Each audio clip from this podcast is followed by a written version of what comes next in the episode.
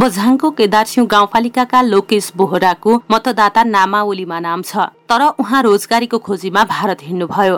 उहाँलाई स्थानीय तह निर्वाचनमा मनोनयन दर्ता गराएकाहरूले भारत नजानु भन्दै थिए तर उहाँका लागि उम्मेद्वारको आश्वासन भन्दा काम ठुलो भएको छ। काम नगरेर हुँदैन। हो एक भोटको लाग्दा अब मेरो उहाँ पनि ड्युटीको समस्या हुने कारणले म हिँड्न लागेको पाँच वर्ष पहिला पनि त्यस्तो रोजगार दिन्छु भनेर गरेको थियो। अहिलेसम्म खासै रोजगार पनि त्यस्तो भएको छैन। आफ्नो गाउँघरमा सुविधा धेरै भएको छैन। त्यस्तै हो।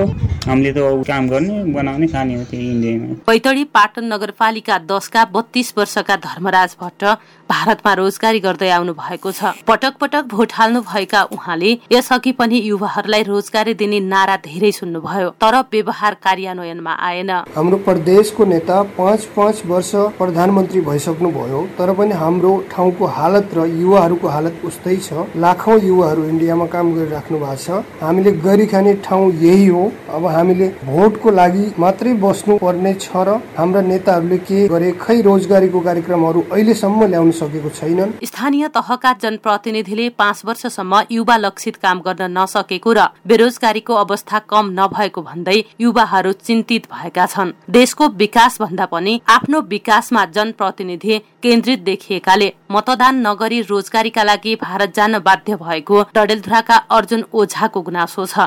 गरिब गुरुवा कसैले सुन्ने भोट हालेर राम्रो मान्छेले अगाडि पठाइदिए आफ्नो केही काम कुरो जिल्ला अफिसतिर भएको काम कुरो पनि गरिदिँदैन स्थानीय तह निर्वाचनको मिति नजिकिँदै गर्दा रोजगारीका लागि भारत जाने नेपालीहरूको संख्या पनि बढेको छ। एक हप्ता अगाडि दैनिक तीन सयको संख्यामा गौरीफन्टा नाका हुँदै भारत जाने गरेका थिए। तर अहिले त्यो संख्या हजारको हाराहारीमा पुग्ने गरेको छ।